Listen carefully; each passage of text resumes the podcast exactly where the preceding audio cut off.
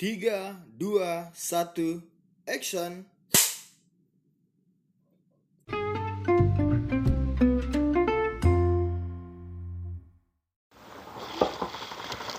Assalamualaikum warahmatullahi wabarakatuh Selamat malam semuanya para pendengar Podwa MA Nah kali ini kita mencoba mengaktifkan kembali ya podcast kita yang sebelumnya kita isi dengan ya mengajar mata kuliah karena berhubung sekarang kita lagi lanjut studi ya kita mohon doanya kita sekarang lanjut studi di University Science Malaysia uh, untuk mengambil program doktoral uh, komunikasi.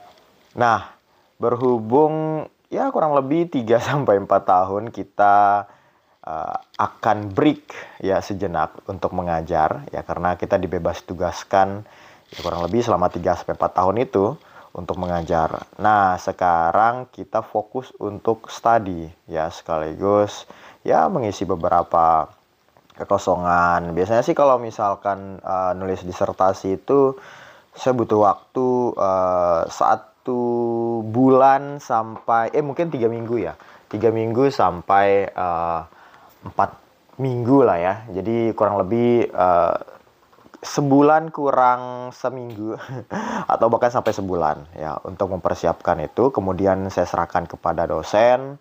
Uh, akhirnya dosen membaca mungkin kurang lebih 2 sampai tiga minggu bahkan sampai sebulan gitu. Jadi rentang waktu sebulan itu jadinya kosong. Nah sekarang kita isi dengan uh, kita membuat podcast kita sharing-sharing semuanya tentang pendidikan tentang uh, politik atau survei nantinya Kemudian kita juga bisa mengisi tentang kehidupan-kehidupan juga. Ya kita sharing-sharing aja sih. Jadi bukan bermaksud untuk mengajar sebenarnya. Tapi untuk sharing aja. Mungkin nanti kita ke depannya ada bintang tamu. Kita uh, bisa berbagi tips-tips dengan beberapa tokoh-tokoh masyarakat yang ada di sekitar. Yang kita bisa bertemu. Atau mungkin kita bisa sharing-sharing pengalaman juga. Mungkin teman-teman yang ada lanjut studi juga ya. Bareng saya misalkan di uh, USM uh, kita bisa sharing-sharing bagaimana berbagi tips. Ya mungkin lebih banyak sih ke ini formal ya. lebih banyak ke formal ya jadi pendidikan politik uh, kemudian sosial juga itu juga kita bahas di sini nah untuk yang santai-santainya karena kita sebenarnya punya hobi dari kecil sampai sekarang pun sebenarnya bermain game jadi saya berbaginya itu mungkin ya mungkin bisa sesekali lah ya di di tengah-tengah pembicaraan uh, yang uh, formal itu kita bisa selipkan lah yang informal bermain game itu.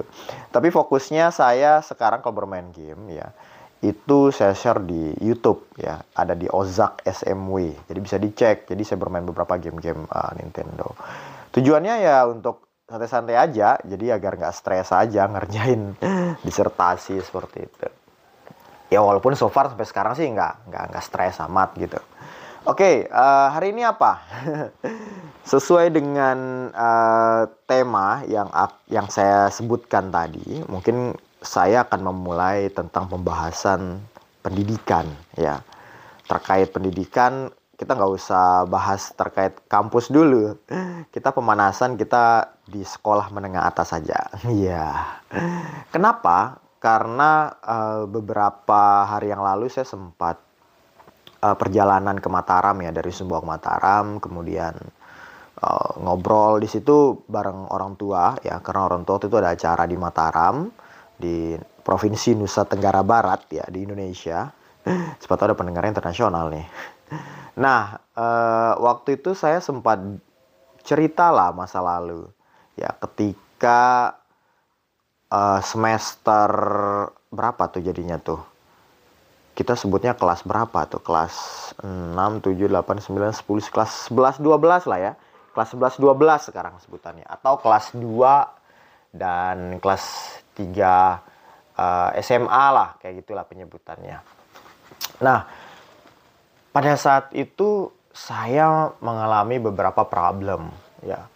Beberapa problemnya itu adalah semacam kayak saya salah satu siswa yang aktif waktu itu ya. Semenjak SMP saya aktif di organisasi siswa intrasekolah. Waktu itu saya SMP di SMP Negeri 1 Sumbawa. Uh, aktif di forum anak Sumbawa di luar kampus, eh di luar sekolah maksudnya. ini waktu SMP ya. Mulai aktif di FAS itu ketika SMP kemudian uh, ketika masuk OSIS sebenarnya sih OSIS sih dulu ya. Itu menjadi anggota biasa. Kemudian ketika kelas 2 itu saya terpilih menjadi ketua OSIS di SMP 1 nah waktu masuk SMA di SMA Negeri 1 Sumbawa saya masih aktif di forum anak waktu itu di forum anak Sumbawa. Kemudian kalau nggak salah saya juga aktif di lembaga bantuan hukum juga jadi sebagai uh, paralegal ya. Ya masih muda lah waktu itu. Mungkin bisa dibilang paralegal pertama di Sumbawa gitu ya masih muda gitu ya. Karena uh, fokus terhadap anak dan uh, perlindungan perempuan perlindungan perempuan dan anak. Nah kemudian setelah itu uh, di sekolah saya juga aktif di osis ya. Ketika kelas 2 SMA pun saya terpilih menjadi ketua osis ya. Jadi ketika SMP jadi ketua osis SMA jadi ketua osis gitu.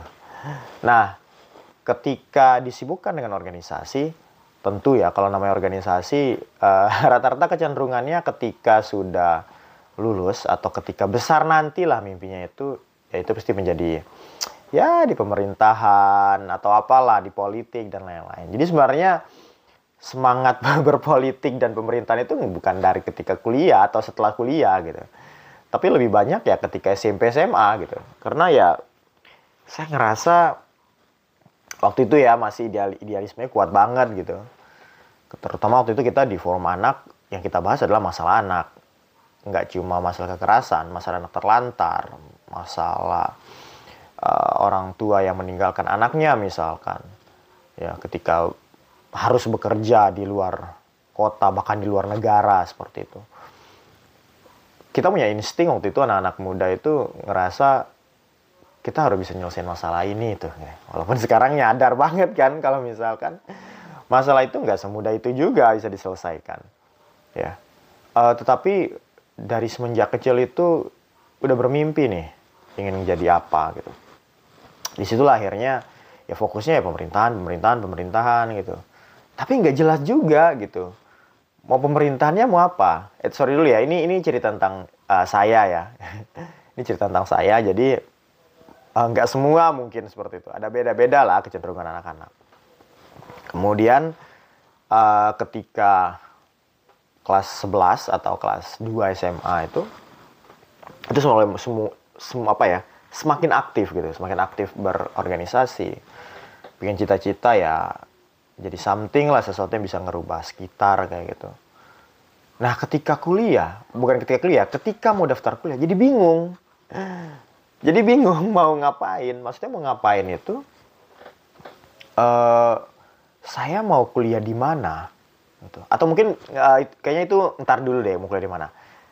Sa kira-kira ya jurusan atau program studi yang akan saya pilih itu itu nanti bisa nggak sih uh, menjadi salah satu jalan yang akan mengantarkan saya ke cita-cita saya ketika masih SMP dan SMA Nah, itu yang minimal ya.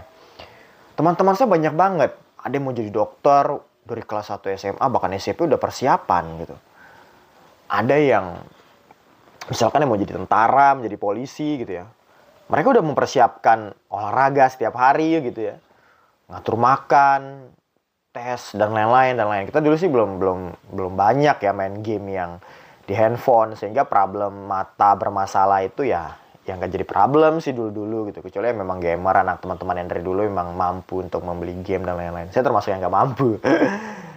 Nah uh, mereka mempersiapkan diri dari semenjak jauh-jauh hari gitu. Nah ketika saya berada dalam posisi sibuk berorganisasi itu menjadi problem besar gitu saya mau ke mana nah atau mungkin bisa jadi juga yang nggak berorganisasi juga sama juga ya tapi ini problem yang sering muncul di kelas mulai kelas 11. Ya. Di kelas 2 SMA, kemudian di kelas uh, eh, 3 SMA, itu makin parah-parahnya. Kita mau ngejit ke mana? Nah yang terjadi saat itu, sekolah kan ada banyak kerjasama ya dengan beberapa kampus. Akhirnya uh, ditawarkanlah beberapa beasiswa bahasanya potongan kemudian ada yang daftar langsung masuk tapi tetap bayarnya normal kayak gitu ternyata sih di luar Sumbawa di Pulau Jawa rata-rata di Malang di Jogja di Bandung uh, jarang banget lah ya teman-teman ya misalkan tapi ada lah satu dua ya kenalan saya misalkan akhirnya ke Makassar Tapi kalau sampai Sumat kalau sampai Sumatera sih jarang jarang ya terdengar ya. Kebanyakan sih Pulau Jawa. Minimal di Pulau Lombok di Universitas uh, Mataram, negeri Mataram ya. Sampai di Pulau Jawa yang tadi saya sebutkan itu Surabaya, uh, Malang, Yogyakarta paling banyak ya. Kemudian Jakarta dan Bandung rata-rata seperti itu. Yang tempat-tempat lain sih ada lah mungkin ya satu dua. Nah, uh, ketika kita bingung ingin memilih jurusan apa, muncul lagi pertanyaan, kampusnya mau apa gitu. Itu jadi problem uh, yang paling besar yang yang apa namanya ya, yang dihadap dihadapi gitu. Sehingga akhirnya kebanyakan dari teman-teman uh, siswa itu menjadi pragmatis ya.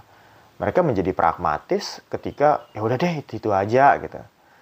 Nah, sehingga yang diinginkan ya, diinginkan atau diciptakan semenjak uh, SMP atau SMA itu kadang nggak mendukung kayak gitu kadang nggak mendukung nah bisa jadi ya kalau banyak-banyak berdoa banyak-banyak ibadah gitu itu biasanya Allah menuntun kayak gitu ya menuntun untuk uh, akhirnya ke mana gitu. Nah saya termasuk uh, siswa yang sangat aktif berorganisasi sejak SMP SMA sehingga ketika menghadapi kuliah saya bingung mau ke mana. Waktu itu di uh, teman-teman itu tinggal ya 4-5 bulan akan masuk kuliah, saya belum tahu kan kuliah di mana. Sedangkan pada saat waktu saya SMA itu ada banyak banget yang saya uh, apa apply ke misalkan ada di Bogor, ada di Malang, ada di Jogja, ada di Jakarta dan itu lulus semua gitu. Tapi ketika sudah lulus saya bingung, saya mau milih yang mana kayak gitu. Nah, sehingga ketika waktu saya kuliah pas banget itu di ya di gelombang terakhir lah kayak gitu saya daftar di beberapa orang tua maunya ya misalkan orang tua bapak gitu ya pengennya ya maunya ini anak tetangga nih ada yang berhasil nih di elektro misalkan akhirnya daftar elektro Padahal sebenarnya nggak mampu-mampu juga eksak gitu. Fisika aja nilainya selalu jeblok gitu ketika masih SMA. Kemudian misalkan ibu, wah bagusnya ini dokter gitu. Daftarlah dokter. Sesuai dengan kemampuan otak misalkan. Atau mungkin ya sudah jadi uh, bukan rahasia umum ya biayanya juga cukup cukup juga gitu. Untuk seorang anak yang uh, pegawai negeri misalkan yang tidak diberikan beasiswa dan uh, masih juga kakak dan adiknya akan sekolah itu agak susah juga untuk itu. Kecuali ya memang benar-benar uh, encer banget otaknya. Kayak ada adik angkatan saya saya sangat dekat dengan dia gitu. Dia lulusan kedokteran UI dan memang biaya kuliahnya murah banget bukan murah ya murah banget gitu. Dan itu bisa dinego berapa jumlahnya. Mungkin bisa mungkin karena negeri juga ya kayak gitu. Nah karena saya ya secara uh, eksakta ya kebanyakan kan kalau daftar-daftar seperti itu eksakta gitu ya. Saya agak lemah gitu. Kebanyakan sih di sosial ya ilmu sosial. Lebih ke praktik lah saya ya. Jadi bukan ke uh, teori lah di awal-awal pada saat SMP SMA itu Nah ketika itu saya bingung mau lanjut ke mana gitu. Saya sempat daftar di Malang, lolos ke Malang, sempat daftar ulang gitu ya. Kemudian setelah itu karena di elektro waktu itu, ketika waktu itu tidak uh, merasa nggak mampu, jadi saya belum kuliah, jadi baru daftar ulang. Dan ini diingatkan sama kakak itu, saya akhirnya mulai hijrah, mulai pergilah ke Jogja dan akhirnya kuliah di uh, komunikasi waktu itu. Kuliah di komunikasi bukan sesuatu yang saya anggap uh, apa ya bukan satu yang saya anggap um, asing gitu. Karena semenjak SMP saya itu sebenarnya sudah mulai banyak ngerekam ngerekam video buat video pendek gitu. Dan fotografi dan lain sudah sejak SMP gitu. Nah ketika SMA semakin berlanjut gitu ya. Bahkan sampai pernah ada ujian uh, eh, TIK waktu itu ya ketika waktu masih SMA itu khusus untuk membuat atau mengedit video. Karena itu saya yang kenalkan ke guru saya. Akhirnya guru saya mau praktekkan. Saya mengajar teman-teman kelas-kelas yang lain dan teman-teman kelas lain buat buat video untuk ujian waktu itu. Nah, inilah sumber problemnya ya. Mulai mau pembahasan. Tadi itu semacam kayak pro apa uh, pra gitu ya. Jadi yang pertama adalah uh, saya kurang menyadari gitu bahwa di tengah organisasi yang saya geluti itu apa sih yang ada dalam diri saya? Apa sih passion yang benar-benar saya rasakan? Apa sih kita punya cita-cita nih ya? pengen jadi something gitu sesuatu apalah itu dokter pejabat uh, pemerintahan politik sebagai uh, engineer ya dan lain-lain lah kayak gitu tapi kita nggak menyadari passion kemampuan kita itu sebenarnya di mana itu jadi problem kadang mimpi itu itu sangat indah gitu tetapi kita harus paham juga passion dan kemampuan kita tuh di mana itu yang pertama harus dipegang uh, apakah ketika misalkan kita nggak terlalu bagus eksak, kemudian kita pengen jadi dokter, pengen banget jadi dokter, ayo ah, udah kita membuang uh, cita-cita itu, kemudian nggak usah ngambil itu. Enggak, enggak juga, bukan begitu. Tapi maksud yang saya sampaikan adalah, orang itu kan ada dalam fase-fase yang dia itu memang dianugerahi oleh Allah gitu ya, sebagai orang yang memiliki kemampuan super gitu ya. Misalkan ada teman saya tuh, waktu saya uh, eh, SMA itu dia pinter banget matematika, fisika, kimia gitu. Bahkan biologi dia pintar banget kayak gitu. Ya dia udah dianugerahi oleh Allah seperti itu gitu. Ya. Uh, ketika dia ingin menjadi dokter, ya semacam kayak ya ini formalitas saja tes akhirnya saya lolos. Apalagi dia kalau didukung dengan keluarganya misalkan masalah biaya juga cukup kayak gitu. Kalau misalkan kalau misalkan memang biayanya uh, besar gitu. Tapi ada orang yang uh, middle itu mungkin saya menganggap diri itu saya gitu ya. Kalau digenjot itu bisa gitu ya. ya. Tetapi ini nggak memakan waktu yang cepat. Misalkan kalau misalkan saya menjadi dokter nih gitu, bisa gitu. Tapi mungkin dari SMP itu saya harus benar-benar ini saya dan saya harus mengejar mimpi itu. Saya kurang mampu dan saya harus mengejar, mengejar, mengejar, mempelajari semuanya, bla bla bla bla bla. Dan itu bisa dicapai kayak gitu. Nah, kadang Allah itu memberikan sesuatu yang middle itu untuk kita terus belajar dan mengejarnya itu hal yang baik gitu. Nah, ada tipe-tipe orang yang sangat nggak bisa gitu. Misal nih saya gitu ya. Contohnya saya aja yang susah, susah, susah gitu ya.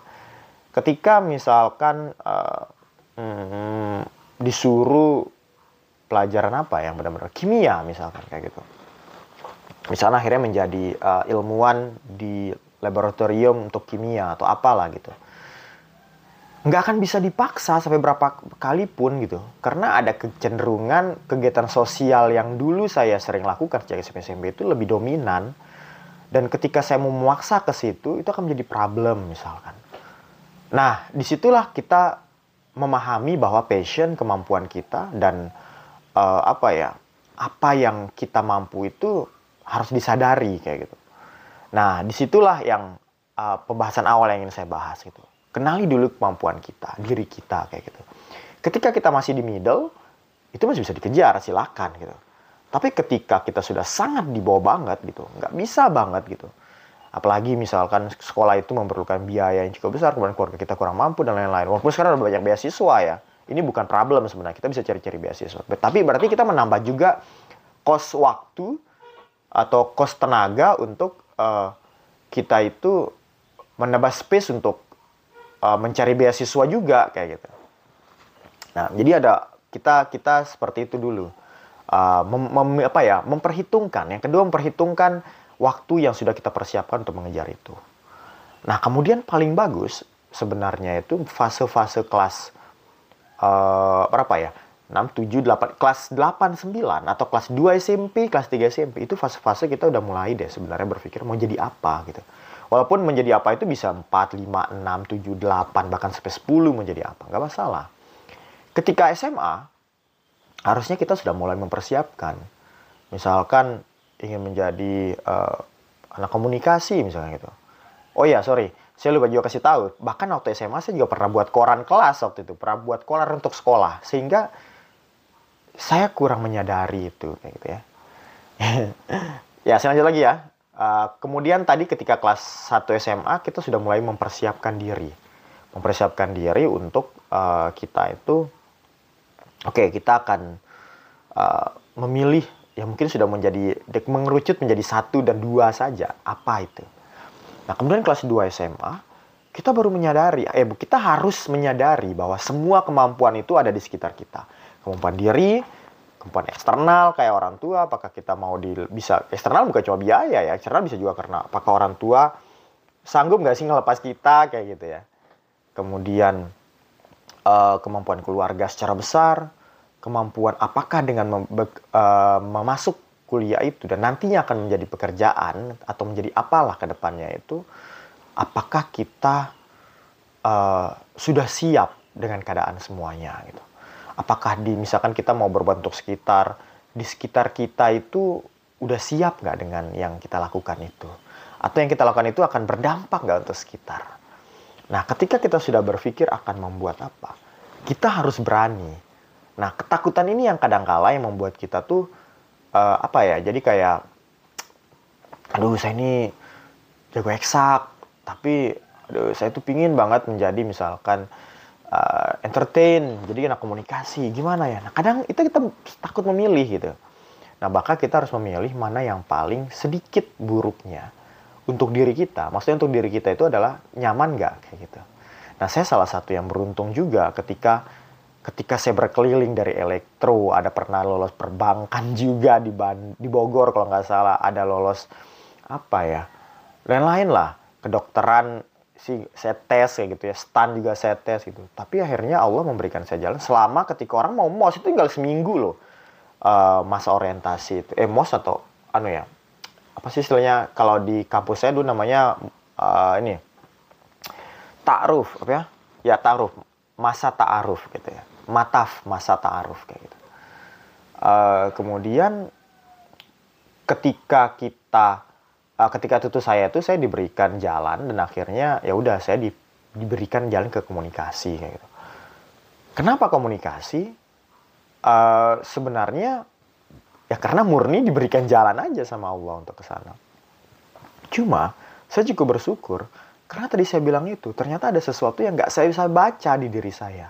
Kemampuan menulis, misalkan di dalam koran, kemampuan untuk mengambil gambar, entertain, editing, dan lain-lain. Ternyata ada kemampuan itu di dalam diri. Nah, sehingga itulah kata kunci yang pertama yang harus ditekankan. Kenali diri kita, bukan hanya yang tampak dari luar saja, tapi kenali diri kita yang benar-benar membuat kita bahagia kalau melakukan itu. Kemudian, setelah itu, jangan egois. Kita diskusikan kepada orang tua.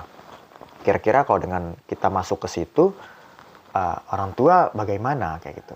Sekitar tuh bagaimana? Gitu. Ya walaupun kadang-kala kita nggak usah perlu juga peduli pikiran yang lain ya cuma minimal orang tua lah kayak gitu. Kita harus diskusikan. Itu paling tidak kelas 2 SMA tuh kita sudah diskusikan akan menjadi ini. Sehingga orang tua juga sudah mempersiapkan juga semuanya. Entah itu biaya diri meninggalkan anak meninggalkan anaknya nanti atau melepas anaknya untuk berkuliah dan lain-lain. Nah setelah itu sudah kelas 2 SMA mengetahui akan membuat apa gitu Nah baru dikejar kampusnya, kampusnya mau yang mana gitu. Kadang banyak orang yang berbangga berada di kampus yang besar-besar negeri misalnya seperti kayak di Universitas Indonesia atau Universitas Gajah Mada. Bahwa dia kurang menyadari gitu bahwa kampus itu uh, adalah salah satu daya dukung juga untuk dia misalkan berkembang gitu. Karena link dan lain-lain. Tetapi ada yang dilupa itu adalah sebenarnya kita juga punya peran juga untuk membesarkan kampus juga. Jangan nebeng aja. Itu kalau dalam sekarang kalau bermain game itu di apa ya? Dibopong gitu ya. Jadi kalau main ML itu kan dibopong. Jadi dia teman-temannya aja yang jago-jago gitu. Dianya enggak gitu. Nah, jadi sebenarnya kita juga punya peran juga untuk membesarkan kampus. Kita boleh lah berperan dalam kampus itu, karena nama kita besar kan dalam satu kampus. Tapi kita juga harus berperan juga dalam kampus. Ya, ketika kita sudah tahu jurusannya apa, kampusnya apa, maka di kelas 3 SMA kita harus mengejar itu lebih kuat lagi ya. Sehingga apa? Uh, ada orang yang seperti tadi saya saya termasuk orang yang diberikan jalan diberikan kemudahan gitu. Tapi kalau misalkan saya mau berusaha mungkin bisa jadi lebih baik juga gitu. Apa yang lebih baik itu? Ya macam-macam kayak gitu. Ya, misalkan terkait mungkin biayanya bisa lebih murah karena beasiswa atau apalah apalah itu bisa bisa kita dapatkan. Tetapi yang perlu diketahui uh, walaupun kampusnya itu tidak misalkan dikenal dengan nama yang besar gitu tapi kita juga punya peran juga untuk membesarkan itu. Karena pada akhirnya siapa orang yang bisa berbuat itu adalah orang-orang yang dia itu bisa mengembangkan dirinya kemudian dia bisa balik ke masyarakat dan dia bisa berbuat untuk orang banyak. Oke para pendengar pot MA mungkin sampai sini dulu uh, yang saya sampaikan ya. Kita sudah membahas sedikit kayak gitu ya. Kalau ada pengalaman lain mungkin bisa di uh, komen di Instagram ya karena kita juga ada uh, Instagram Potba MA dan program uh, Instagram saya pribadi juga Miftahul Arzak. Ya bisa dicek atau di Facebook kita bisa berkomunikasi juga atas nama Miftahul Arzak juga. Oke okay, uh, mungkin di pertemuan selanjutnya kita akan diskusi sedikit tentang uh, awal mula masuk kampus. Kita akan buat itu masa-masa SMA memilih kampus kemudian awal mula milik kampus, kemudian middle di tengah-tengah semester, mungkin semester 4, 5 gitu, dan di semester akhir mempersiapkan untuk ke depannya jenjang selanjutnya. Jadi ada kemungkinan ada empat episode lagi ya. Ada empat episode dengan ini seperti itu. Oke, terima kasih sudah mendengar Pot by MA. Semoga ini bisa memberikan uh, ya memberikan informasi sedikit lah ya pengalaman. Tentunya perlu banyak bicara yang lebih banyak juga untuk membagi-membagi dan mempersiapkan diri itu. Tetapi sekarang tidak mungkin kalau terlalu banyak juga nggak ada yang dengar kayak gitu. Oke itu aja ya. Terima kasih sudah mendengar Potbot MA. Sampai ketemu lagi di episode selanjutnya. Wassalamualaikum warahmatullahi wabarakatuh.